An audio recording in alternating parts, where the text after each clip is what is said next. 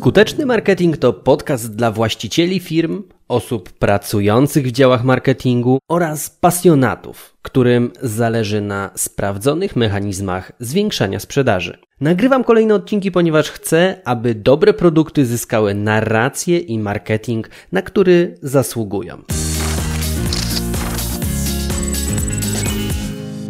Ostatnio zacząłem się zastanawiać, jakby to było, gdyby pracować bez pośpiechu. Aby był czas, aby robić rzeczy mniej, ale mądrzej. Zanim je się w ogóle zacznie robić, to warto byłoby je przemyśleć, czy i w jaki sposób najlepiej je wykonać. No i jak się pewnie domyślasz, takie moje przemyślenia mają niebagatelny wpływ na skuteczność promocji nie tylko mojej firmy. No i jak zacząłem się tak zastanawiać i tworzyć takie wizje w swojej głowie właśnie pracy bez podśpiechu, to jakoś tak właśnie mam, że zaczynam bardzo szybko swoje myśli zamieniać na czyny. A więc mniej, a więc mądrzej, zgodnie z taką perelową tabliczką, nie stwarzaj zagrożenia, pracuj bez pośpiechu. A już tak całkiem na serio, to obserwując polski grajdołek rozwojowy, to widać, że zderzają się tutaj dwie filozofie. Filozofia hustle i filozofia slowbiz. I pomimo wielu być może podobieństw, które kiedyś w debacie wyszły, one różnią się z mojej perspektywy w jednym zasadniczym punkcie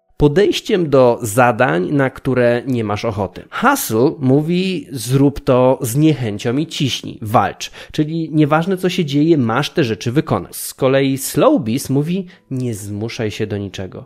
Daj sobie czas, powoli, ale dobrze. No i trudno w tym układzie zachować jakiś balans. Generalnie w życiu trudno jest zachować balans. Co tutaj wybrać? Bo branża, klienci, czasami pracownicy swoją presją wymuszają na nas wieczny pośpiech, a my trochę w tym chyba lęku przed byciem odrzuconym biegniemy całą dobę. Sprawy nie ułatwia też porównywanie się do innych, najczęściej do tych dużo lepszych, dużo bardziej doświadczonych, z wyrobioną już na przykład charyzmą. A wiesz, bo takie myślenie, mój ulubiony twórca internetowy zrobiłby to tak, a może konkurencja odbiera telefony i połączenia przez całą dobę, a może oni będą się bardziej poświęcać i narzucać klientom? A czy ja to bezbłędnie w ogóle powiedziałem? Czy ktoś może się do tego później w komentarzu doczepić?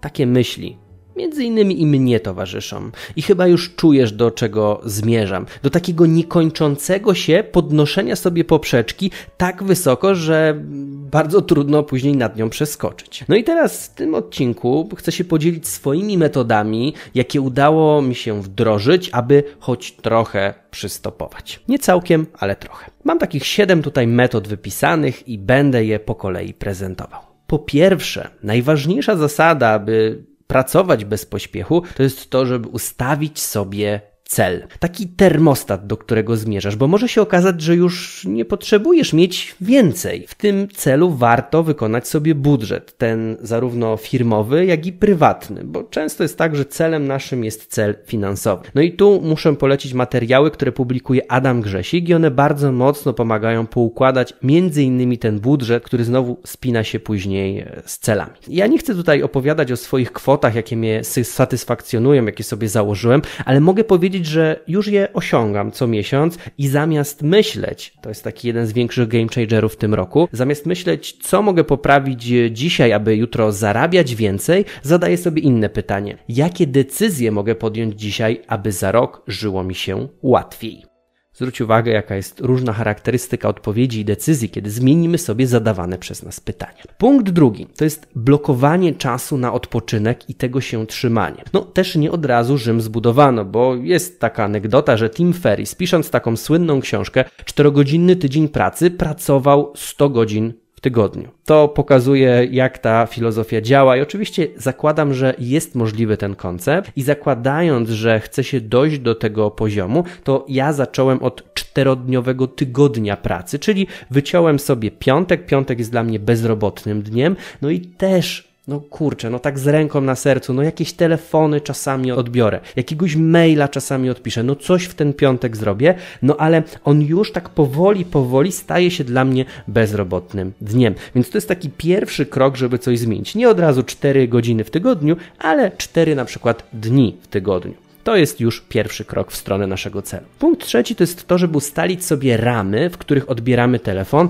a w których jesteśmy niedostępni. A może w ogóle już nie odbieramy telefonu. Ja muszę przyznać, że mnie bardzo stresuje w ogóle, jak ten dźwięk telefonu dzwoni. On mnie pogania, on gdzieś tam przerywa najczęściej zadanie. No i wolę tych telefonów nie odbierać, dużo bardziej wolę pisać mailowo, to daje mi wtedy możliwość do tego, żeby odpowiedzieć, kiedy ja mam czas, a nie kiedy ktoś tego potrzebuje. To jest tak zwana komunikacja asynchroniczna. Kiedyś starałem się odebrać każdy telefon, każdy e-mail, od razu, natychmiast być na każde wezwanie przez całą dobę. Takie podejście jest dobre, bo pozwoliło mi dosyć szybko progresować w biznesie, ale naprawdę na dłuższą metę zostawia taką mentalną pożogę, wywołuje gigantyczną presję. I to jest też ciekawy wątek, bo z mojej perspektywy perspektywy, na początku ludzie pracują pod presją, bo boją się, że im nie wyjdzie, a później, jak już zaczyna wychodzić, to zaczynają pracować jeszcze bardziej, aby się nie okazało, że przestanie im wychodzić, jak właśnie odpuszczą. Punkt czwarty to jest to, żeby wyłączyć powiadomienia w telefonie. To jest kolejny taki stresor i aktywator FOMO.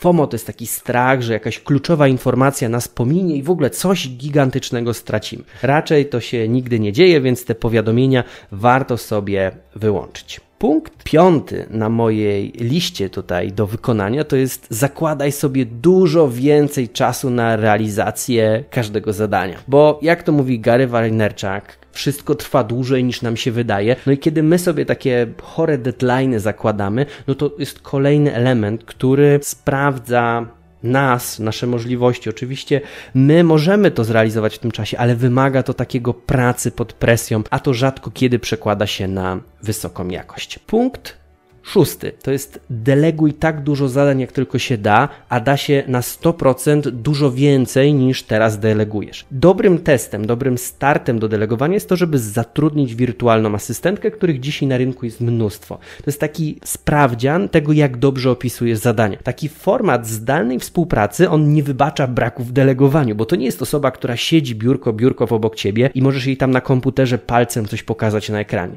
To, co opiszesz w mailu, to taka osoba wykona. I to jest naprawdę bardzo dobra szkoła tego, jak lepiej delegować zadania i odciążyć swój grafik, przez to mieć więcej czasu na odpoczynek i też mniejszą presję na sobie, no bo ta presja przechodzi wtedy na osobę, której delegujesz. I na zakończenie punkt siódmy mam dwa pytania, które postawił w swoim odcinku podcastu Greg Albrecht, też na moje zapytanie. Pierwsze z tych pytań, one takim tandem tworzą, warto sobie odpowiedzieć jedno po drugim. Pierwsze z tych pytań to jest, dlaczego się teraz spieszysz?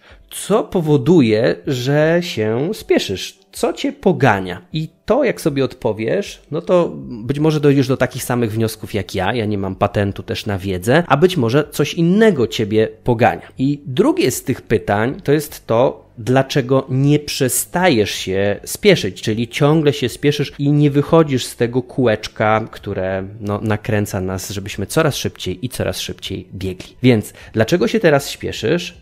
Na przykład może słuchasz tego podcastu na podwójnym tempie albo robisz jeszcze 15 innych rzeczy i dlaczego nie przestajesz się spieszyć? Dlaczego na przykład nie cieszysz się tą chwilą, w której właśnie na przykład coś fajnego, przyjemnego, dobrego dla siebie robisz, tylko chcesz to wykonać jak najszybciej? Bardzo mądre pytania od Grega Albrechta. Również polecam Ci jego podcast. I liczę na to, że po wysłuchaniu tego odcinka rozszerzy się Twój sposób patrzenia nie tylko na marketing. Tymczasem słuchaj, wdrażaj i zarabiaj. Ja trzymam za Ciebie kciuki i zapraszam Zapraszam Cię do wysłuchania pozostałych, krótkich i w opinii słuchaczy merytorycznych odcinków.